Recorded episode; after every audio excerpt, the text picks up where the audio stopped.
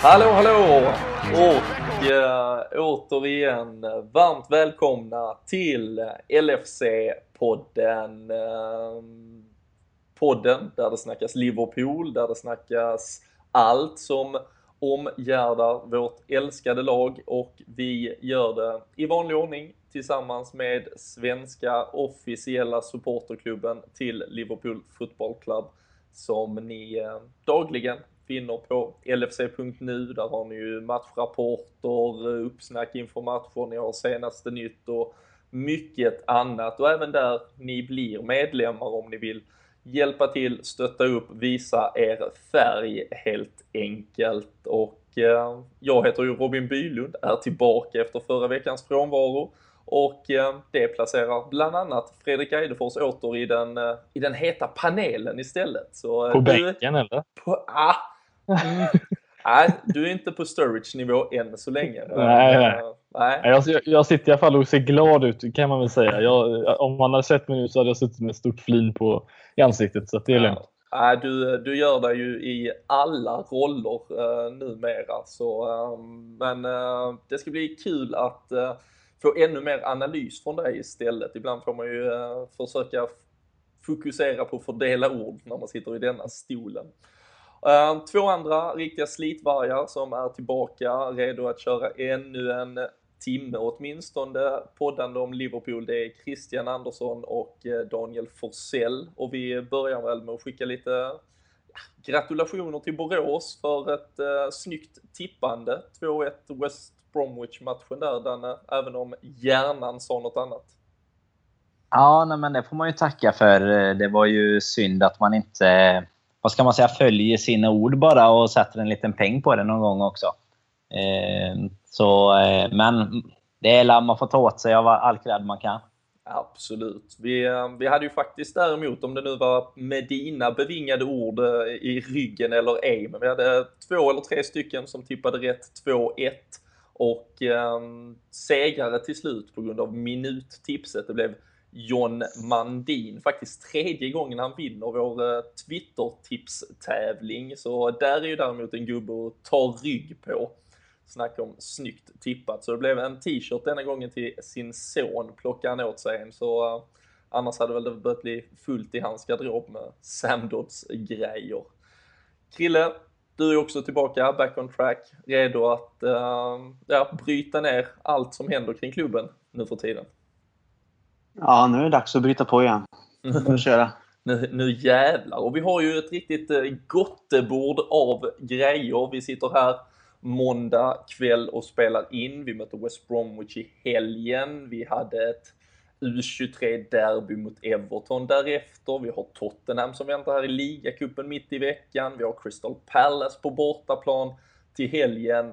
Och mitt i all denna smet så börjar Steven Gerrard öppna dörrar för en framtid, kanske åter på Merseyside. Så ehm, ja, det, det blir fullproppat om inte annat i alla fall. Men vi försöker väl börja på Anfield, på det som hände i lördags kväll. Fredrik, eh, Daniel Sturridge förpassad till bänken. Adam Lallana var frisk och kry och spelade återigen och man kan sannoliken säga att den där frontfyran fungerar.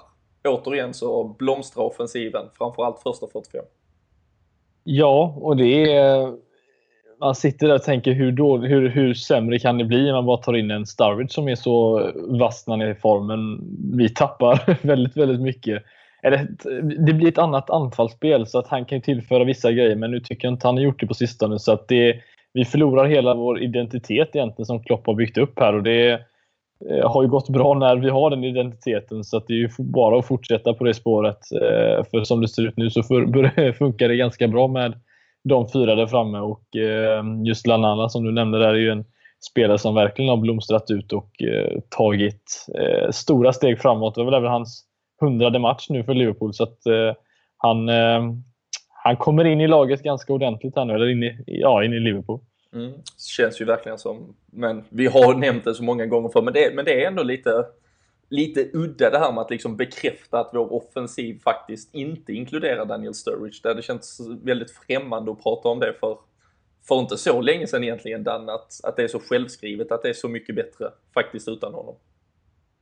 Ja, absolut. Det är väl jäkligt oväntat. Vi satt ju själva och diskuterade inför säsongen att eh, vi hoppades verkligen att han kommer igång nu och att det är han som, eh, fram till i alla fall träningsmatcherna, när vi börjar skymta att det skulle bli lite så här som det var, eller är nu då, så satt vi ju egentligen och, och verkligen drömde oss tillbaka lite till eh, både den här säsongen när vi kom tvåa, men även de matcherna han väl var involverad i förra året där han var, jag tyckte Holmgren nämnde det, åtta mål på elva matcher eller något sånt mm. förra säsongen. Och elva matcher är ju, är ju tråkigt bara det när man hör det. Men just eh, procentuellt, eh, om han spelar 30 matcher så hade det varit, varit kul att se. Men nu, nu klarar vi oss utan honom och det ser ju jäkligt bra ut ändå. Även om han, som ni nämnde till en början med Eidefors, där inte såg, eh, han såg inte riktigt så munter ut eh, på bänken när man blev inzoomad någon, någon gång här i lördags.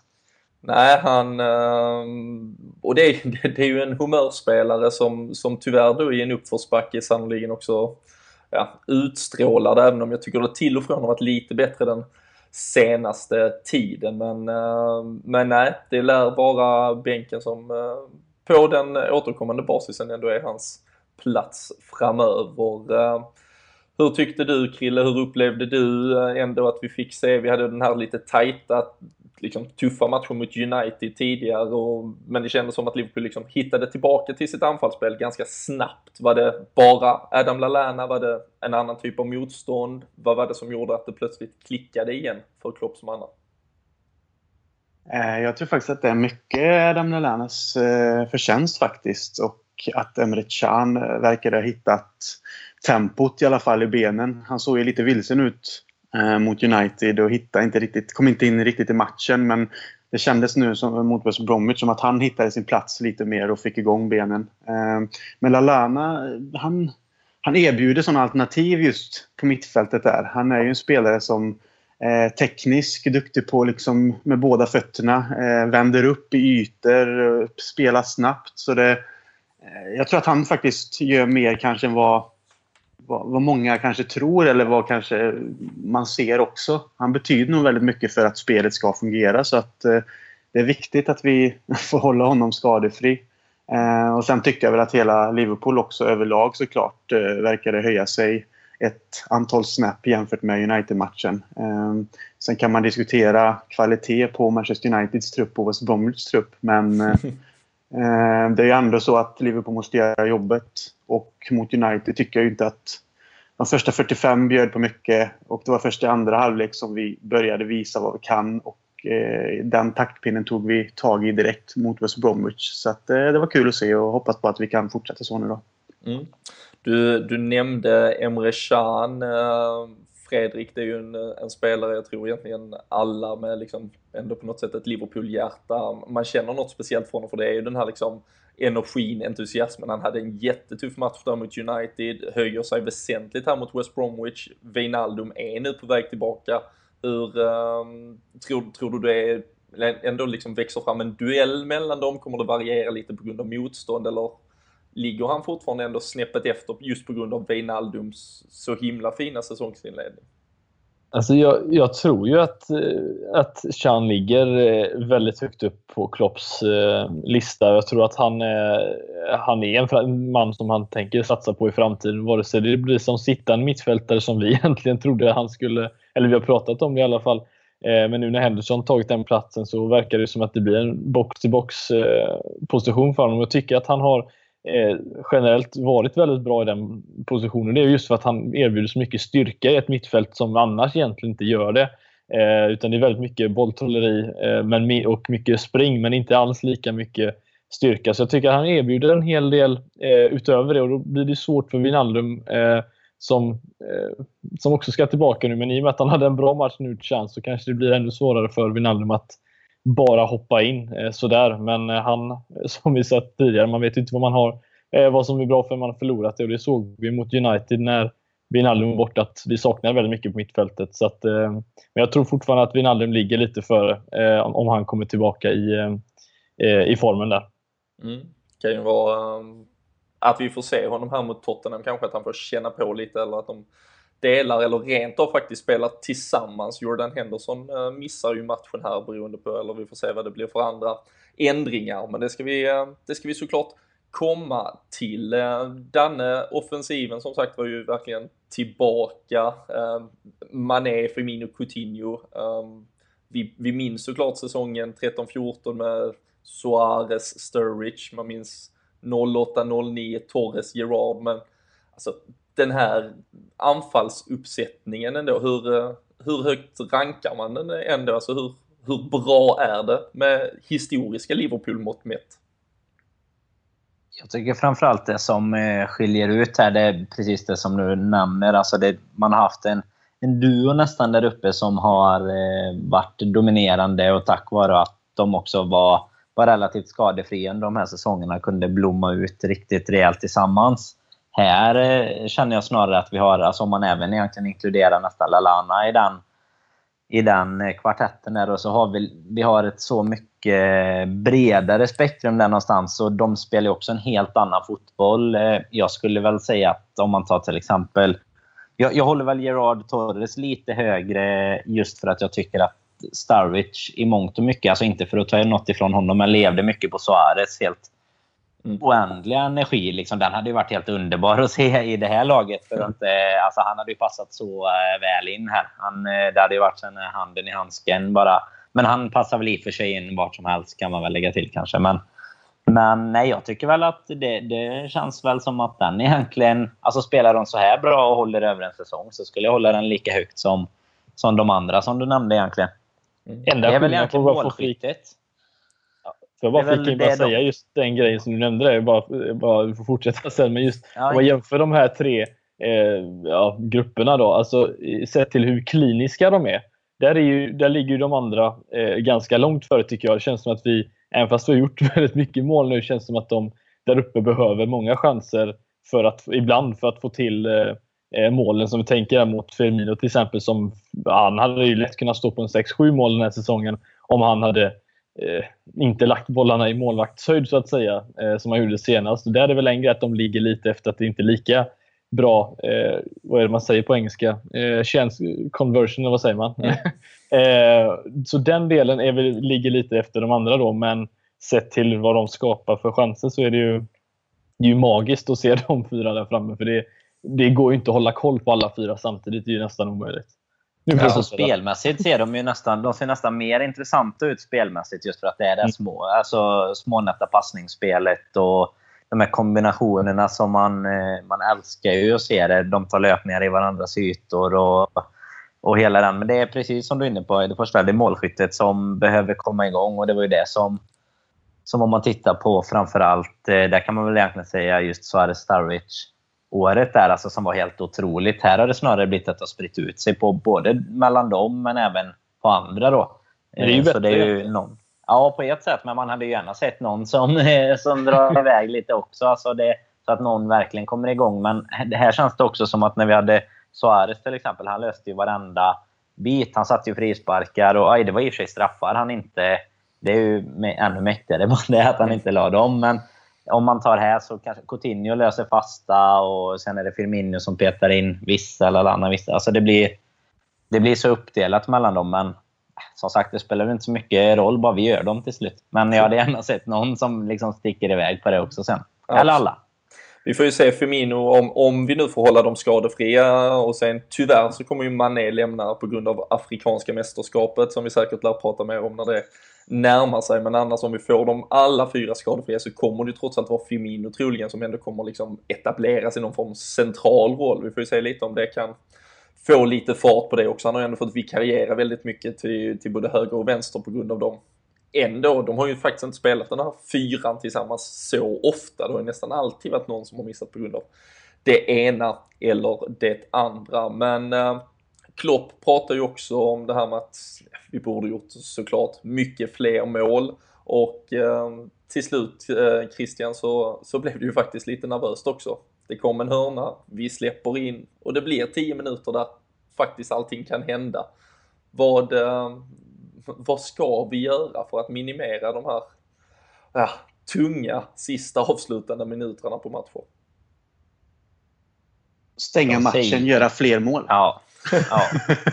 Nej, men det är ju lite det Liverpool som vi har eh, vant oss vid att se vid vissa tillfällen. Eller kanske fler gånger än sällan, så att säga. Att, eh, som nu, vi leder med 2-0 och har egentligen matchen... Vi äger matchen totalt. West Bromwich har egentligen ingenting eh, i den här matchen överhuvudtaget. Och så får de en fast situation som vi då inte av konstiga anledningar aldrig klarar av att försvara. Och så får de in det här målet och det blir lite darrigt. Och det, det ger ju dem skjuts i, liksom i deras anfallsspel och de börjar kanske eh, chansbollar in, höga bollar in. Och man märker ju att en sån där eh, fast situation gör att vi börjar darra lite. Annars tycker jag att vårt försvarsspel överlag hela matchen var riktigt bra. Liksom. De, vi har ju Matip, Lovren nu som de ser jättestabila ut och Klein Milner gör ett eh, ordentligt jobb som ytterbackar upp och ner liksom och ligger rätt. Det, vårt försvarsspel eller vår försvarslinje är riktigt bra men det är just när det kommer till fasta situationer som, eh,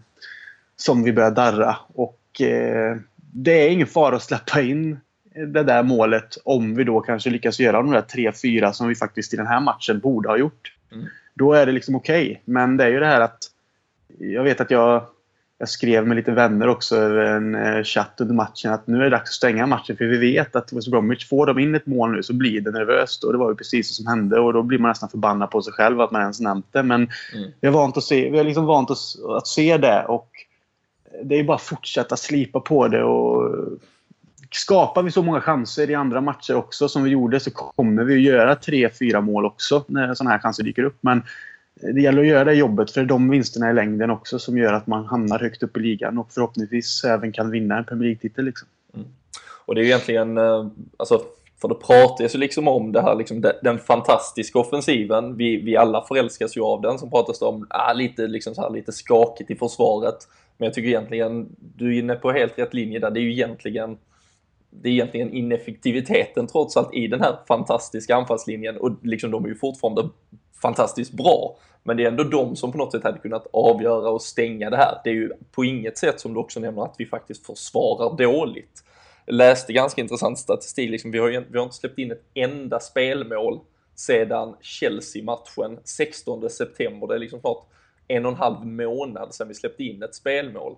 Vi har släppt in tre mål och vi har faktiskt på de fyra senaste Premier League-matcherna bara släppt emot oss åtta hörnor, vilket också är i stort sett rekordlågt att kunna snitta så lite. Det är ju många matcher vi liksom får åtta hörnor på en match.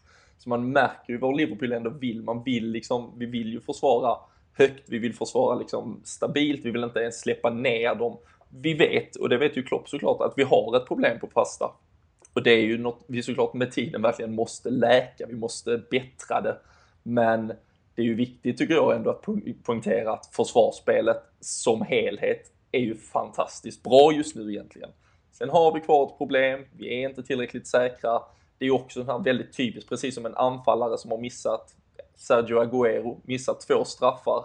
Man bränner den tredje också för det är så jäkla mycket, liksom, det, det blir, det bara ligger där och gnager. Och precis på samma sätt så tror jag när vi får den här hörnan emot oss så bara infinner det sån extrem panik i hela laget.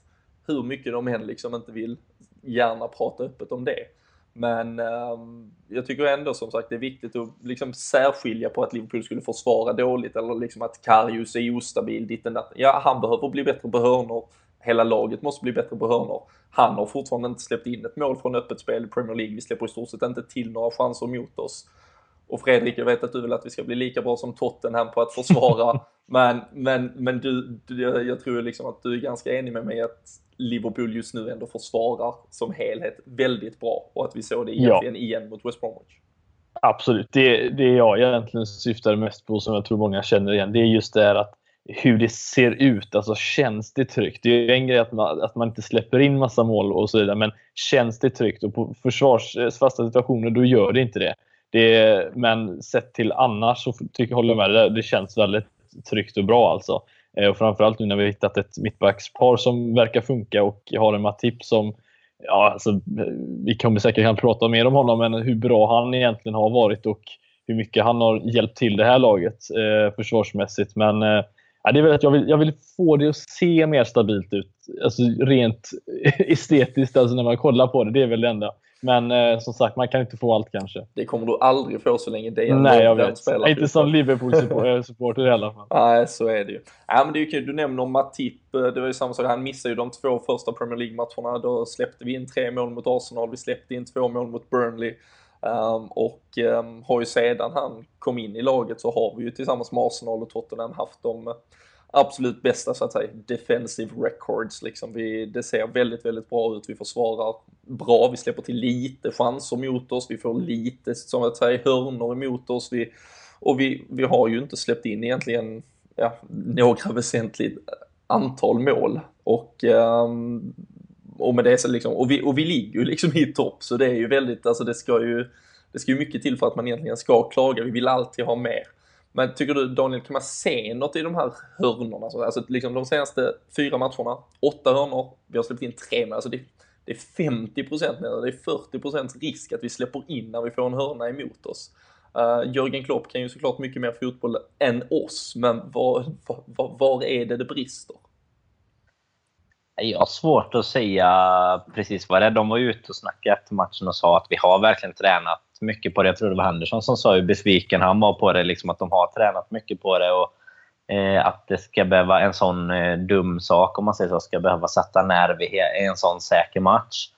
Men just den senaste det tycker jag väl är att det känns som att typ fyra spelare går på boll i samma situation, alltså vid nicken. Och sen så är det egentligen det är inte bara eh, en fri eh, för att göra mål, utan det är typ tre stycken som är, är rena sen. Så där känner jag väl att alla gick på, på en och samma boll, men det, det är ju bara den isolerat egentligen. Alltså, och det är ju långt ifrån så som det har sett ut på allihop.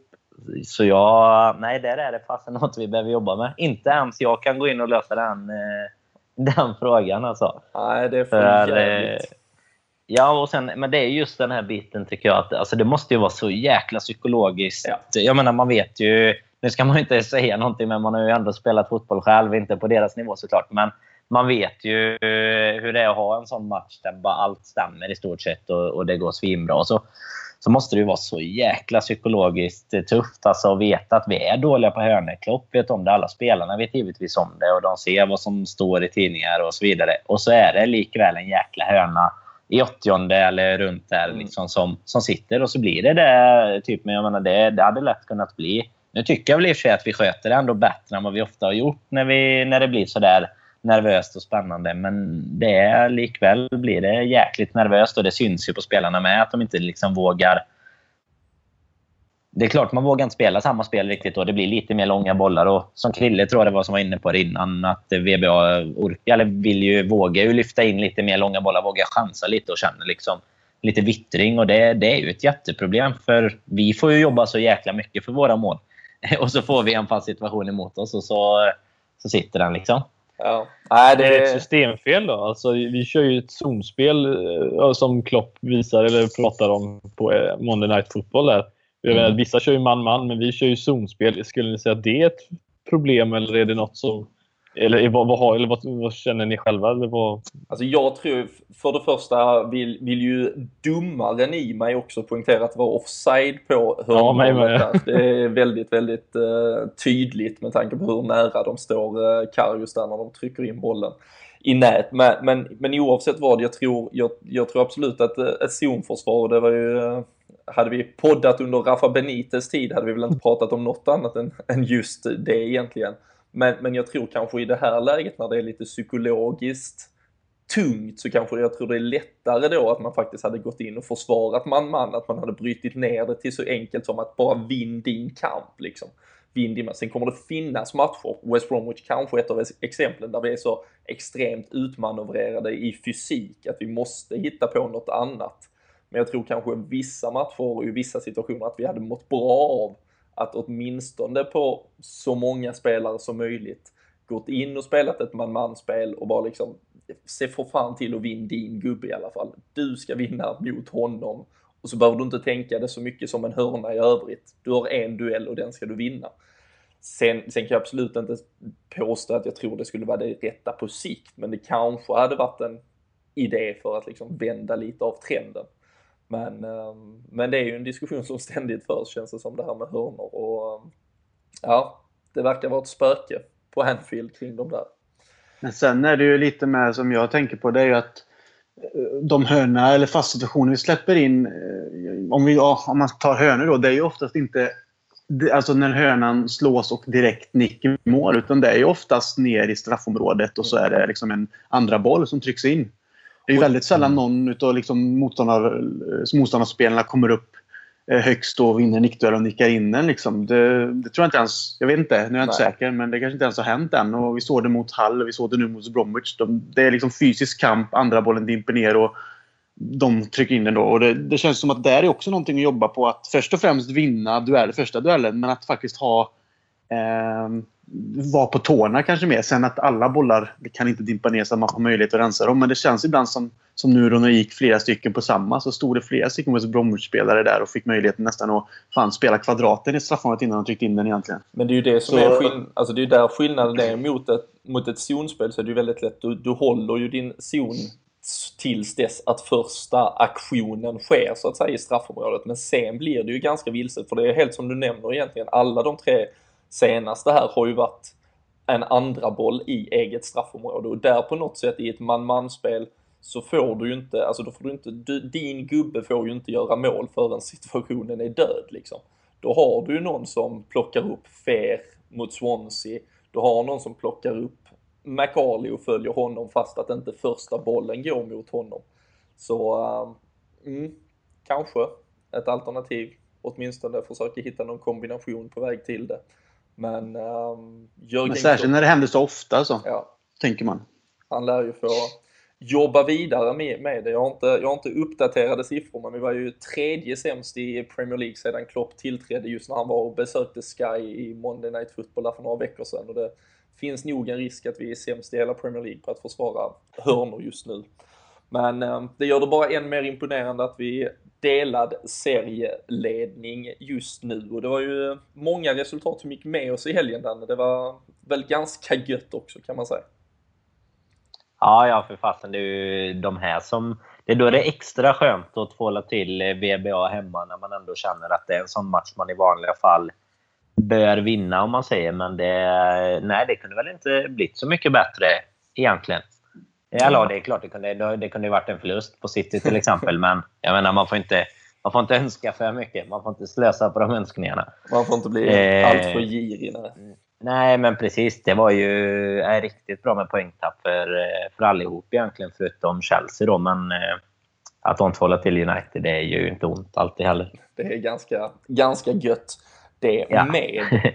Um, vi, vi ska väl vandra lite vidare här. Som sagt en uh, fantastiskt härlig seger uh, och uh, lite som du nämnde, just, just en sån här helg där många tappar poäng. Det hade känts så extremt typiskt Liverpool tidigare att också hänga med i den poängtappsfasen på något sätt och släppa in ett 2-2. Men på något sätt lite banbrytande att faktiskt hålla ihop och ta de tre poängen. Och i en division längre ner, eh, om vi säger så, så tuggar även vårt eh, så att säga B-lag, vårt U23-lag på. De besegrade Everton i deras miniderby med 2-0 och eh, vi har ju tidigare pratat mycket här i podden om att Danny Ings är nere och spelar på den nivån. Nu fick han vila ett par andra spelare, Trent Alexander-Arnold, vi hade Ovie Jaria med flera vilades också och eh, det kan väl vara eh, lite indikationer Fredrik på eh, vad som komma skall. Eh, Klopp pratar ju idag också om att det blir lite rotering mot Tottenham som vi möter i ligacupen här imorgon, tisdag. Mm. Ja, men jag tror vi kan... Eh, återigen, jag tycker aldrig vi har kunnat ställa upp två elver egentligen som eh, ser intressant ut. Men den här gången kan jag nästan tycka att det vattnas lite sett att se att det är ett lag som ska spela en ligacupmatch. Liksom. Eh, jag tror det kan bli ett ganska bra lag faktiskt med spelare som kommer tillbaka från skador samt sådana då som är väldigt hungriga för att spela. Så det ska bli verkligen kul att se om Ings kan, eh, eh, kan, få, kan få spela. Det hoppas jag. Så att jag, nej, jag ser fram emot det väldigt mycket faktiskt. Mm. Och eh, Christian, du, du har ju tidigare varit den eh, i panelen som har eh, trots allt slått ett halvt litet slag för eh, Simon Mignolet. Han ska vara tillbaka i buren, det har eh, Klopp eh, också bekräftat. Så han får chansen att återigen visa lite. Men samtidigt så underströk Klopp att Karius verkligen är etta och liksom that's it. Um, hur ser du på det ska inte bli långdraget kring mål, målvaktssituationen men den är ju ändå alltid intressant med tanke på konkurrenssituationen som är där. Ja, nej, det enda som var från början är ju fortsatt det där att eh, jag tycker inte att eh, egentligen Mignolet gjorde något för att förtjäna, för, eh, förtjäna att bli petad. Men som vi redan har diskuterat flertalet gånger så eh, har väl Klopp liksom eh, ändå köpt in Karius som etta och han gör ju sitt val och nu har han ju visat det också genom att låta honom stå eh, de senaste matcherna. Och, alltså, det är inte så att jag vill inte framstå som att Mignolet-älskare nummer ett. Jag tycker att Karius... Du har bara eh, köpt givetvis... alla hans tröjor någonsin. ja, med hänger här på väggen hemma. Eh, nej, men det är bara väl mest att jag...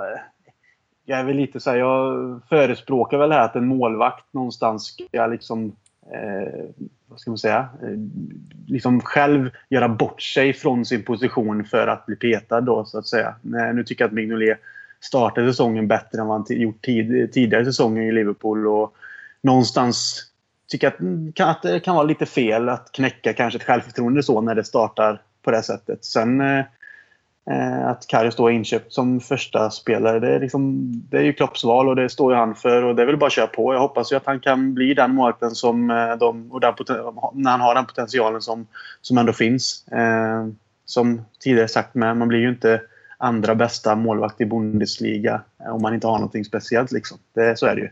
Så att, eh, jag tycker det är bra att han luftar Mignolet ändå så att han får ändå liksom bevisa sig och kämpa lite för det. För det kan ju tyvärr vara så att Karius eh, gör misstag och så. Och då vill vi ju ändå ha konkurrens där. Det är ju det som är så pass bra nu. Så eh, Mignolet får chansen i alla fall. Och så får vi se sen vad som händer. Mm. Ja, det känns ju, det är ju såklart ett, ett lyxproblem med två målvakter. Jag tycker också det är ganska häftigt och befriande att se Mignolets inställning. Han är ju väldigt tydlig liksom, i sociala kanaler på att liksom eh, vad han skrev senast, eh, det handlar inte om eh, bänkvärmning, det handlar om bänkpress. Nu är det bara att träna, pusha, bli bättre hela tiden. Och um, det är ju en fantastisk inställning och vi får ju hoppas till liksom eh, framöver dels att vi går långt i ligacupen, att vi kliver in i en FA-cup sen och kan göra bra ifrån oss. Och till nästa säsong, beroende på vilket förhoppningsvis europeiskt äventyr som väntar, så, så kommer det ju vara fler matcher där man faktiskt eh, kommer kunna rotera runt och förhoppningsvis faktiskt ge tillräckligt med matchning för att behålla två tillräckligt bra målvakter. Det, eh, nej, jag, det, det, det, jag tycker det är jäkligt kul faktiskt och som du säger, Mignolet har ju, han gjorde ju det bra och förhoppningsvis så, så kan han komma tillbaka och göra det bra nu även om han har ett rykte att bygga, bygga upp från tidigare säsonger. Um, Danne, är det några andra speciella spelare, några kombinationer, eh, något du uh, hoppas se mot Tottenham? Uh, Pochettino har ju varit ute, de har ju ett tufft matchande, de har ju spelat match var, var tredje dag här i stort sett, så där kanske det roteras lite. Tror du att Klopp vågar rotera lite han också? Annars har han ju varit lite fäst vid att behålla så intakt elva som möjligt.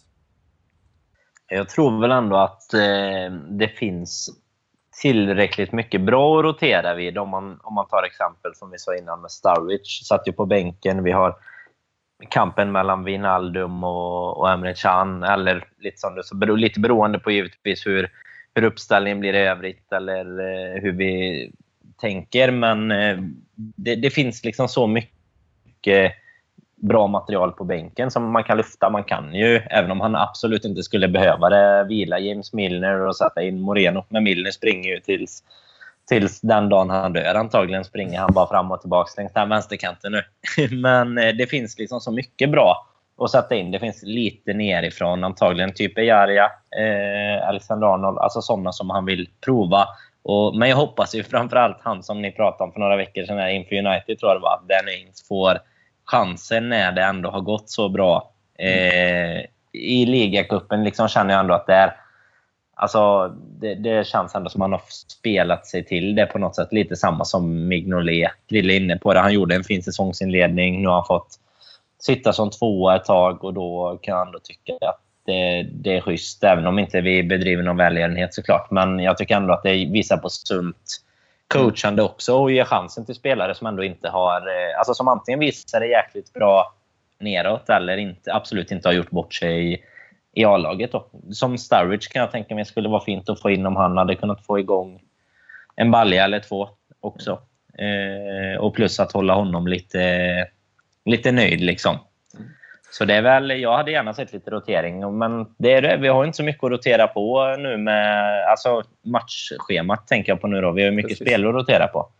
Men det blir inte riktigt samma sak som man sitter med som vi har gjort nu det sista med Europa League och så. Då vet man ju att alla kommer få sina chanser förr eller senare. Men samtidigt är det så att han kan ju spela sin elva som du är inne på lite Bylund där. Han vill hålla den intakt och det är möjligt att han kanske känner att eh, han vill liksom fortsätta låta dem utvecklas ihop eller vad man ska säga då.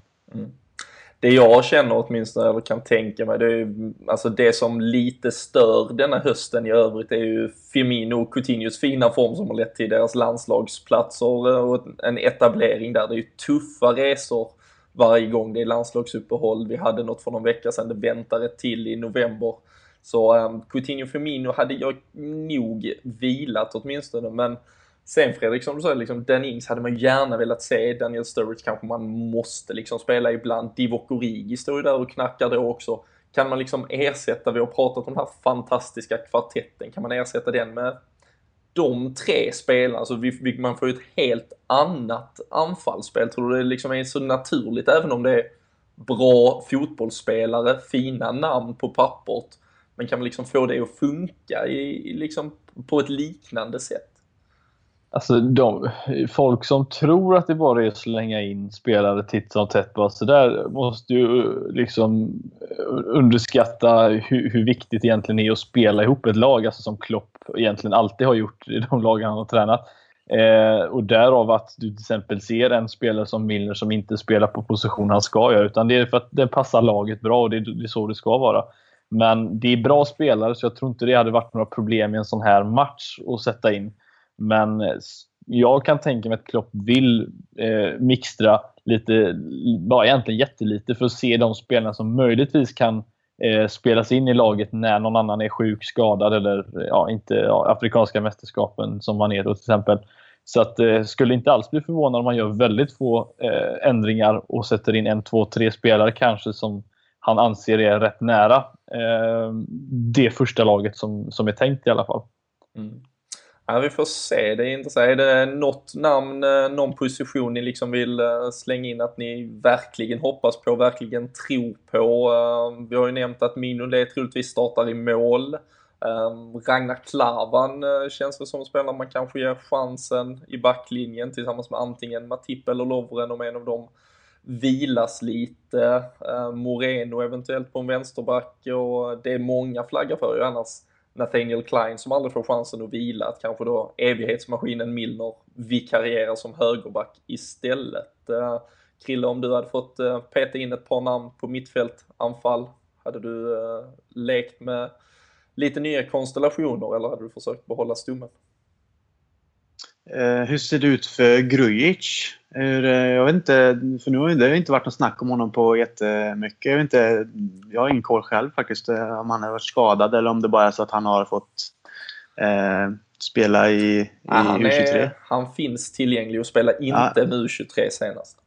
Nej, okej. nej, det är jag som är lite dålig koll. Eh, Men han hade jag ju jättegärna velat se. Han var ju duktig i början under försäsongen och gjorde ett, en, ett par mål och eh, hade liksom tog med lite fysik in. Han har ju en längd och har, är ung och potential, har potential. Så han hade varit kul att kasta in i en match tycker jag. Eh, sen hade det varit jättekul att se Joe Gomez också men det är kanske lite för tidigt för honom. Det det Eh, så att man, man vill inte riskera någonting där överhuvudtaget. Men han, han är någon som jag vill jättegärna se igen. Eh, men ja, Grujic är jag då. Eh, om jag får välja en, en, en spelare som har varit kul att, att få bekant sig lite närmare med i en match som ändå gäller lite. Liksom. Mm. Fredrik, hur hade du, eh, vad hade du behållit av den där fantastiska kvartetten eh, som vi pratade om tidigare och vem, vem hade du petat in eller eh, vå- vågar du göra mer än så? Ja, Jag håller ju med dig med Firmino och Coutinho. Jag tycker att de, alltså, någon av dem, troligtvis Firmino, som ligger lite längre bort i, i landslag. Eller ja, jag tror Coutinho ligger väl bättre till. Den kan ju nästan få spela bara en 10 minuter, en kvart. Då känns det onödigt för dem att, att hålla sig borta där. Så jag skulle nog ta bort dem i så fall och in med Sturridge och eh, ja, det är väl Ings då, men då blir det ju fortfarande så att då har du en mittfältare bort. Men jag skulle gärna vilja se en, en Chan, eh, Wijnaldum, Grujic mittfältet. Då blir det ju bara tre spelare fram och då blir det nog en Firmino som försvinner i så fall. Mm. Om det var någon, eh, någon som förstod vad jag menade. ja, ett tremanna mittfält med Wijnaldum, Chan och Grujic i alla fall. Och så ja. uh, Mané, eller? Lalana? Ja, ja, men då blir det i så fall Mané, Sturridge och Ings där uppe då. Mané, Sturridge och Ings. Så Lalana, Coutinho, Firmino får vila helt enkelt. Ja. ja. Danne, skriver vi under på något sånt? Marko Grudzic har fått två omnämnanden. Är det något annat du slänger in? Ja, men det skulle jag väl hålla med men jag tycker samtidigt att det är lite svårt mellan eh, liksom Wijnaldum och Chan i så fall. För jag tycker båda kanske... Alltså Wijnaldum kommer tillbaka från skada så han eh, kan vara intressant att matcha lite. Och Chan har spelat så pass lite att jag även tycker att han kan vara värd att, att matchas. Eh, vilket gör att jag har lite svårt, Eh, beroende på hur vi spelar, då, eh, se en plats för Grujic. Även om jag jättegärna hade velat se honom. Eh, sen är det lite det här, jag slog ju nyss ett slag för Ings, men eh, jag tänkte lite på Origi som vi inte har pratat så mycket om. Det är också svårt att se om... För han, han spelar ju egentligen oftast inte... Eller han sitter ju på bänken, så han spelar ju oftast kanske inte heller med U23 då. Eh, och så eh, har vi Ings och då är frågan, ska han gå förbi honom liksom i, i rangordningen för att han har spelat bra där? Eller blir det så att Origi får testa först? I och med att det är ju ändå han som sitter där och hoppar in några minuter här och där. Så eh, jag hade gärna sett Ings, men jag tror kanske att det blir Origi som, eh, Ings på som får spela om de väljer det. Mm. Vad sa du? Ings på bänken i alla fall. Ja, han hoppa in. Det känns väl mer troligt då. Jag ja. tror att både Starwich och Origi ligger före i liksom pecking order och eh, det är nog inte så att man bara går förbi där i och med att de får ju inte chansen att spela i ligan just nu om vi, när vi liksom ska toppa till laget. Och precis som vi sa, där vi har inte, vi har inte så mycket extra matcher att, att lufta dem i heller. Eh, utan kanske ha Ings på bänken och få in honom och eh, göra en, eh, en fin balja i 87. det, det låter bra det. Eh, det blir inte någon tipstävling mot Tottenham alldeles för tajt och, och tidspressat för att lyckas lösa det. Men om någon av er vill kunna skryta när vi sitter här om en vecka igen så får ju ni gärna i alla fall dela med er av era tankar, känslor, förhoppningar. Eh, hur tror du det går Krille i ligacupmatchen mot Tottenham? Eh, nej, men jag har ändå go liksom goda känslor inför matchen även om det då kanske roteras lite och vilas lite eh, för båda lagen. Men Eh, kan man ändå få igång lite speed så eh, ja, jag tror vi kanske Liverpool säger 2-0 då.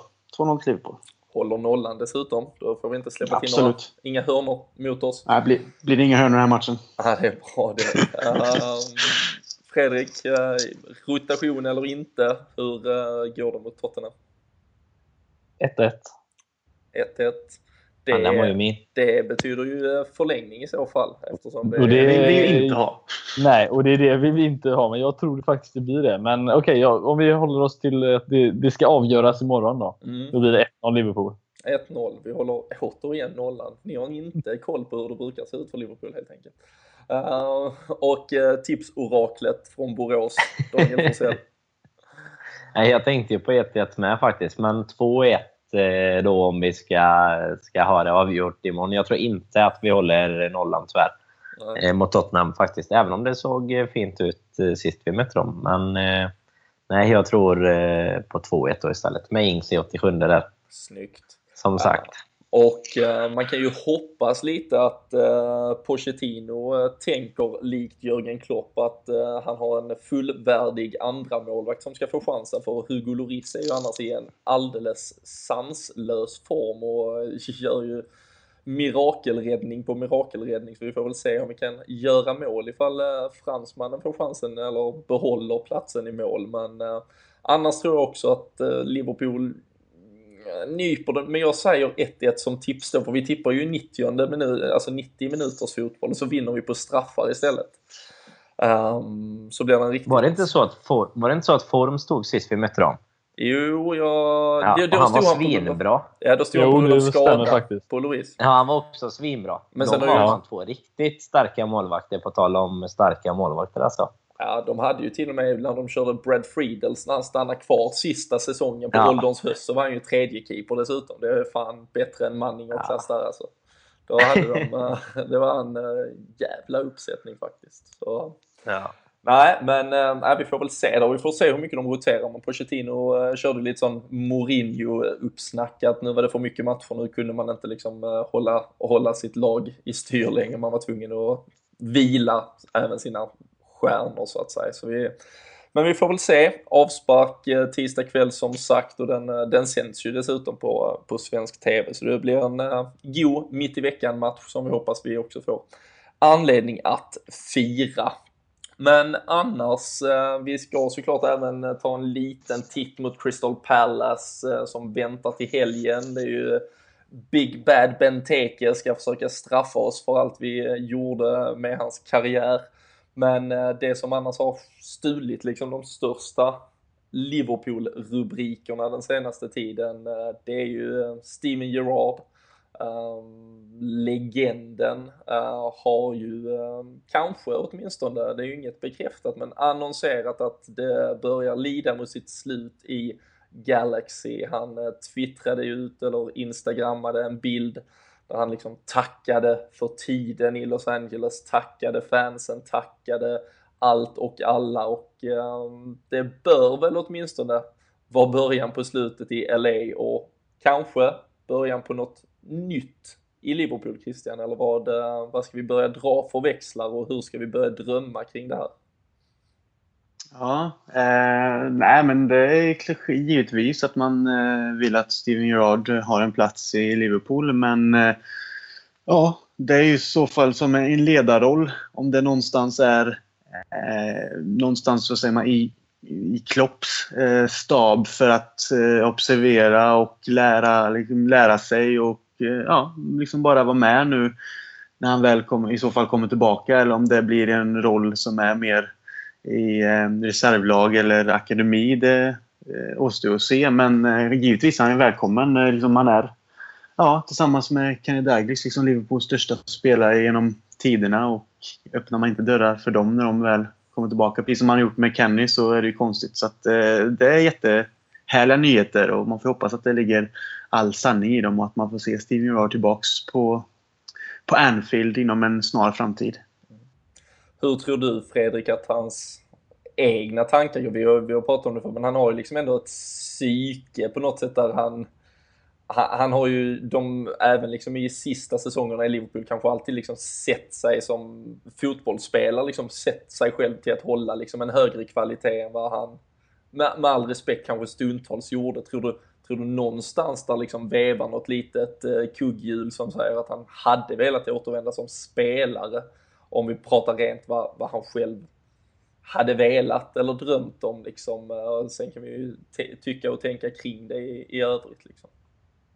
Ja, det är väl att han eh, tror han kanske känner sig lite sugen på att just jobba med Klopp och, och vad det nu egentligen innebär. Han har ju varit ute och sagt att han eh, har pratat med Klopp mycket under, eh, en, alltså sen när han, han tog över så att det har ju varit snack mellan dem.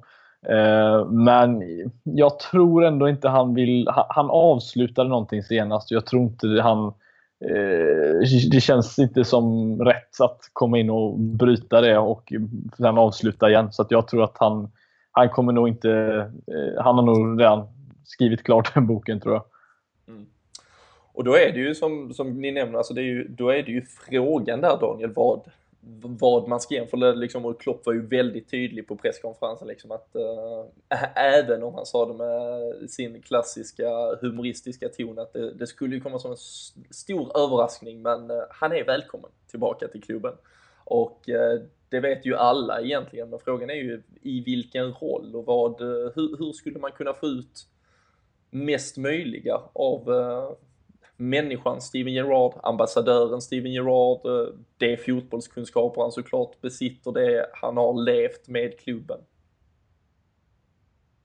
Mm, det är väl egentligen eh, de bitarna som du är inne på. det här med, Eller tycker jag i alla fall då, utan med all respekt för att jag inte har så bra koll på hans liksom, fotbollsvetande och, och coaching-egenskaper i övrigt. Han, är, han har ju ändå tagit några licenser. Liksom, så det är ju ändå, han är ju inte helt eh, grön på området, Eh, på tränarområdet. Men jag eh, känner väl att det som han hade gett mest med det liksom och att lite som som Krille var inne på med att vi har Kenny inom klubben och så. Alltså att man har en sån legend och ikon inom klubben som kan kanske både inspirera och hjälpa yngre spelare som ska ta det sista klivet som är så jäkla svårt att ta i, i dagens fotboll. Både som liksom local lads men även för de som kommer in i, i ganska ung ålder eh, men som kanske inte tar riktigt det sista. Typ Danny Pacheco och sådana som spåddes liksom den absolut mest lysande framtid någonsin.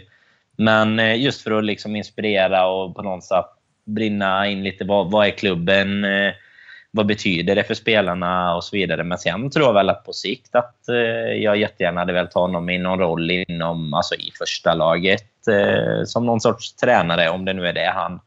Han är väl inne på i sin bok där att han är själv, eller och även har pratat om intervjuer, att han kan tänka sig att bli manager en dag. Liksom. Men, eh, men där har han en tuff, eh, tuff post att fylla just nu. Så det, det lär det inte bli en på väldigt eh, länge förhoppningsvis. Nej, Nej men det är ju det man, kan, det man väl ändå kan säga, alltså Klopp var ju, var ju själv också ute och, har kommenterat att han är ju inte en, han kommer inte bli någon stofil som Sir Alex eller Wenger som kanske sitter på, på bänken tills han är 70-75 men, eh, men självklart har han såklart några år till kvar att ge eh, ändå.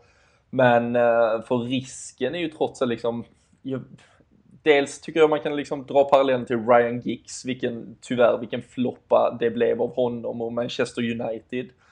Inga liknelser i övrigt men liksom klubbikoner såklart för respektive lag som liksom tanken var att slussa in dem i i managementet, liksom att de skulle få sin tränarroll, komma dit.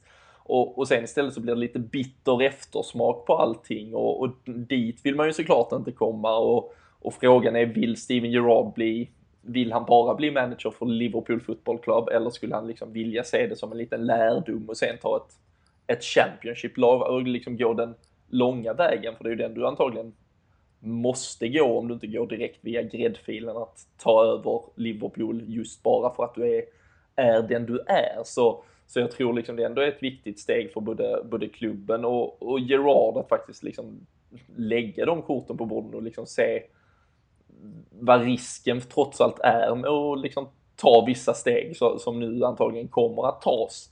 Eller om man kanske ska börja i en roll som på något sätt, alltså att en helt ny roll, en påhittad roll, något som man inte kan gå vidare ifrån på det sättet, utan någon, någon ambassadörsroll, något du pratar om, något, något form av mentorskap, um, där man ändå kanske involveras i första laget, jobbar nära Klopp i den dialogen.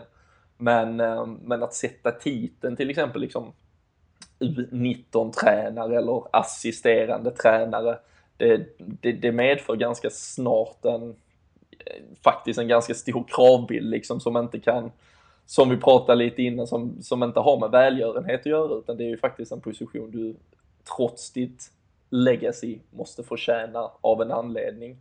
Så um, nej, det känns som, eh, det, det, är extremt intressant, det ska bli extremt kul att se vad det blir. Men, men jag tycker också, liksom, precis som du sa, då, liksom man har, eller Fredrik sa innan, man avslutar ett kapitel med honom som spelare det är den, för alla i vår generation, är den största spelaren. Det är troligtvis liksom anledningen till att många idag hejar på Liverpool Football Club. Och eh, man måste liksom nu hitta den balansen som på något sätt inte gamblar med det. Jag säger inte att han någonsin skulle bli bortglömd eller liksom men Ryan Giggs har ju inte kvar sin status på samma sätt i Manchester efter liksom just nu och är själv liksom bitter på klubben lite efter allt som hänt och det vill man ju bara absolut inte nå. Men eh, nej, en, det, det, krävs nog en skräddarsydd roll och jag tror att Jörgen Klopp är ju helt rätt manager att tillsammans med klubben och Gerard skräddarsy den. Hade vi haft en mer ja, en, en stofil som manager just nu så, så hade det varit tuffare. Uh, tror jag i alla fall. Så, uh... Men en Albeck-roll typ då? Alltså som ja, Albeck något sånt. Med uh, Hamrén liksom. Bara, bara var där. Han var väl stöd för många spelare. Ja, eh, väl någon player manager eller något kallar de väl det. Precis. Mm. Det, ja, det hade varit det, intressant att se.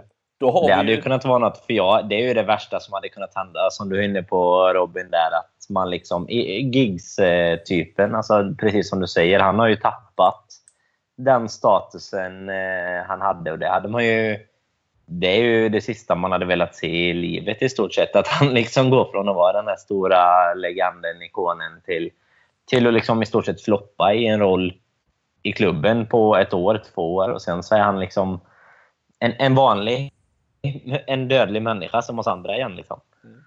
Ja, Fredrik har antagligen i alla fall satt rubriken till programmet Gerard är den nya Albeck helt enkelt. Men Christian, hur, ehm, om vi suddar tillbaka det, vi pratade ju mycket om det i podden för nu snart, eller drygt två år sedan, men när, när Gerard var på, på dekis så att säga, hur, eh, hur gick snacket i, ehm, i Liverpool, i, i England, bland eh, dina vänner, bland, bland scousers kring hans roll, vad, han, vad, vad, vad som eventuellt komma skulle och att han kanske bet tag i att spela egentligen lite för länge enligt vissa. Ja, en rätt så stor majoritet skulle jag säga tyckte nog att han höll sig kvar lite för länge i laget, eller i startelvan kanske man ska säga. Mm.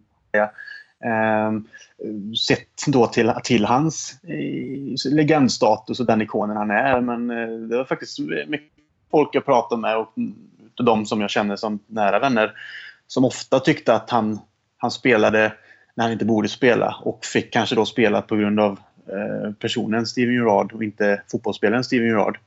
Ehm, och det var ju i och för sig både tråkigt och lite hårt att höra men eh, alltså, jag var ju lite sån att ibland kunde jag hålla med och ibland inte medan vissa var väldigt hårda i sin, sina bedömningar om att han hade gjort sitt. Liksom. Men samtidigt är det ju svårt. Det, han hade ju egenskaper fortsatt, och särskilt de här ledaregenskaperna och, och, och, viljan och så. Så att han var ju kanske viktig för kollektivet och i laget i sin helhet. Men han tappade ju relativt snabbt på slutet. Det var ju två säsonger där. Eh, det var ju Suarez-säsongen om man säger så. Där vi levde mycket just på Suarez eh, överlag och den energin som han bidrog med. Och Gerard bidrog ju mycket med viktiga mål från straffpunkten och djupledspassningar. Men det fanns ju ändå lite där ibland att man märkte att tempot kanske var för högt. Och och ingen vill väl ta ifrån någon spelare den prestationen den säsongen. Men sen säsongen därefter då så, så märkte man ju att liksom, eh, tiden hade hunnit ikapp honom. Och, och, eh, ja, snacket gick väl så relativt tidigt, kan jag tycka. Eh, bland de som jag um, um, umgås med när jag nu är över och de jag umgicks med när jag, när jag bodde där. Så, eh, det var ibland hetska diskussioner där eh, vissa tyckte si och vissa tyckte så. Och, och, ja, men det kan ju också ha med hur Liverpool oftast eller oftast ska jag inte säga, men ofta kunde också helt enkelt fucka upp vissa matcher för några år sedan. Och det var många som slog eh, hårda slag mot att Gerard hade gjort sitt redan då. Så det är väl känslorna som styr rätt mycket med. Men eh, vi här i Sverige kanske på något sätt jag vet inte. Alla är ju supportrar, men jag kan se lite att vi här, kanske som inte lever med det varenda dag på plats, ville ändå att han skulle spela så långt som möjligt. Men jag tror att många därifrån ändå, även om han är en local lad och har en legendstatus, så ansåg att det är dags att, att skifta. Liksom. Nu har jag pratat länge här, men eh, den känslan fick jag i alla fall.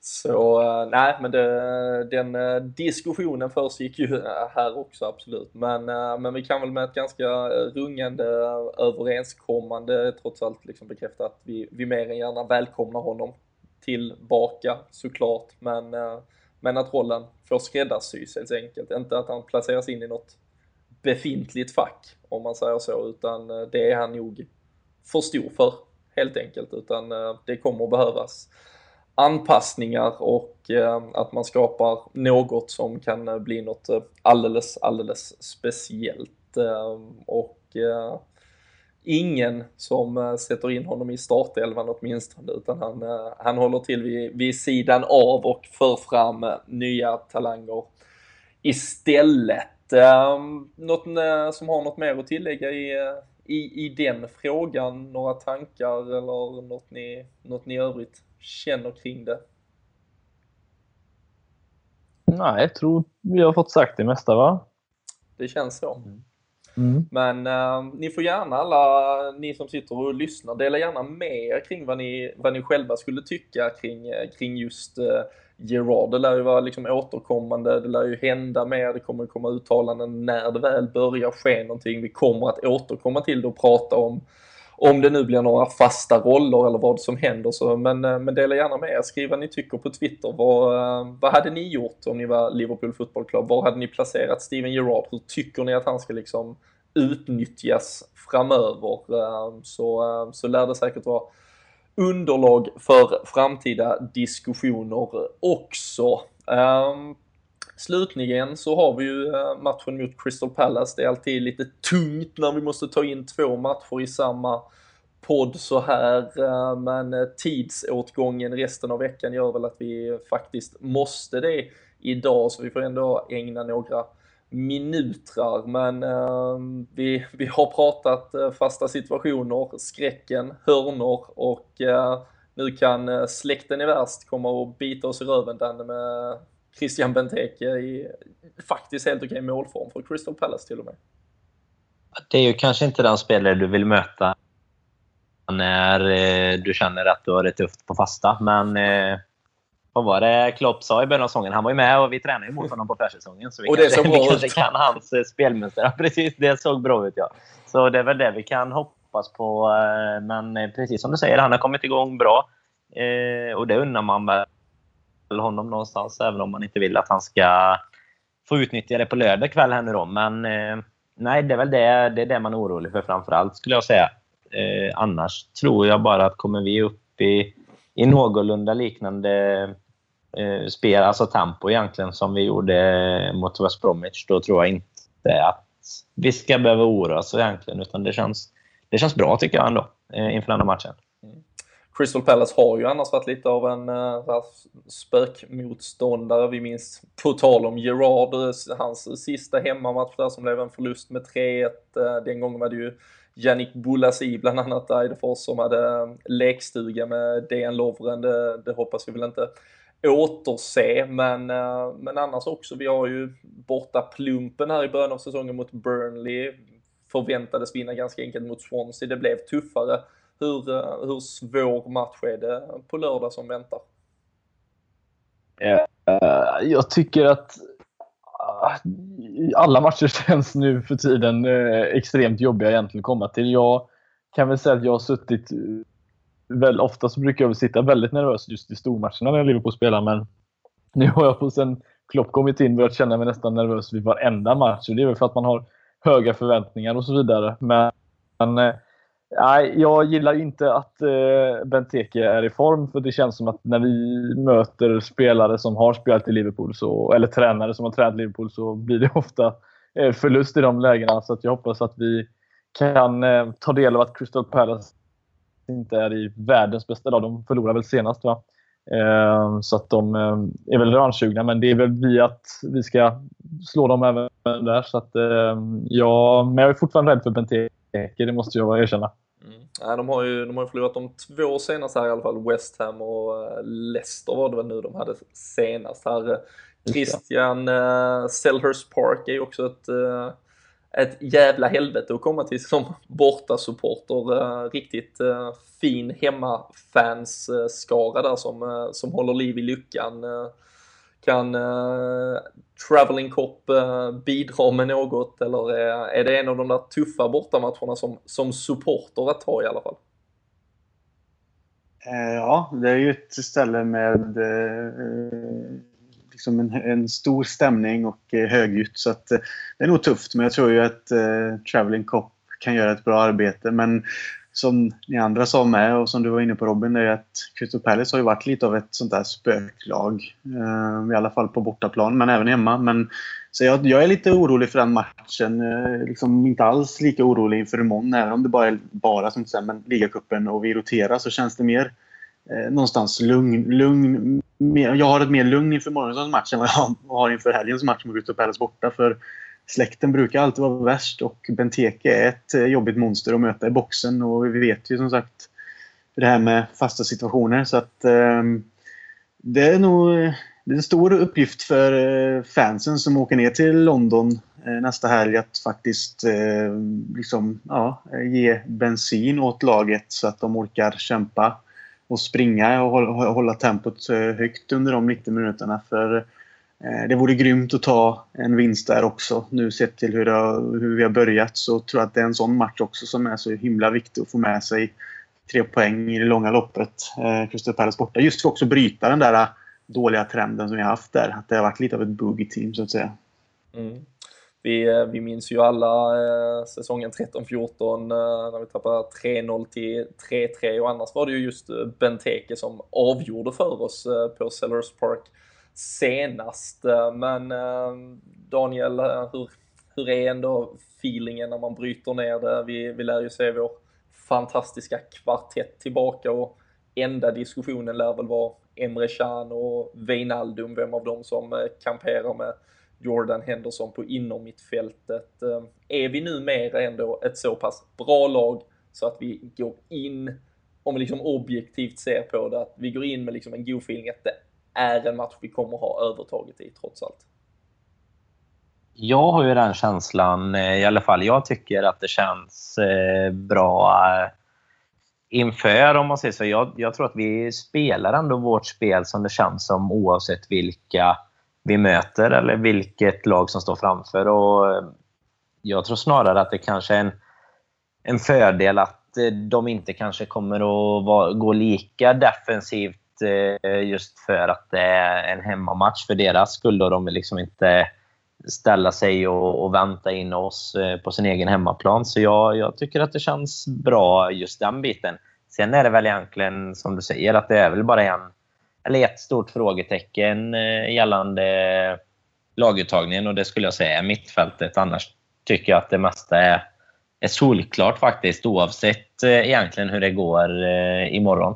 Även om eh, någon trycker in ett hattrick liksom, som inte brukar spela typ Starwich så tycker jag ändå inte att, att man rör det just nu faktiskt. Nej, Nej det är ju det spelmässiga framförallt som har sett så extremt bra ut och, och det brukar ju över, över tid trots allt vara bästa alternativet än att gå på någon form av eh, målgörande dagsform. Så eh, nej, jag tror vi får se en så att säga intakt 11 med endast det där mm, eventuella mittfältsbytet om det blir Emre Can eller Wijnaldum. Ehm, vi får nog försöka paketera det där. Eh, ni har fått tippa en gång, chans till revansch redan. Jag vet ju att ni har fel mot Tottenham, där har ju jag rätt. Men uh, mot Crystal Palace, Fredrik, uh, hur, hur går det på lördag kväll?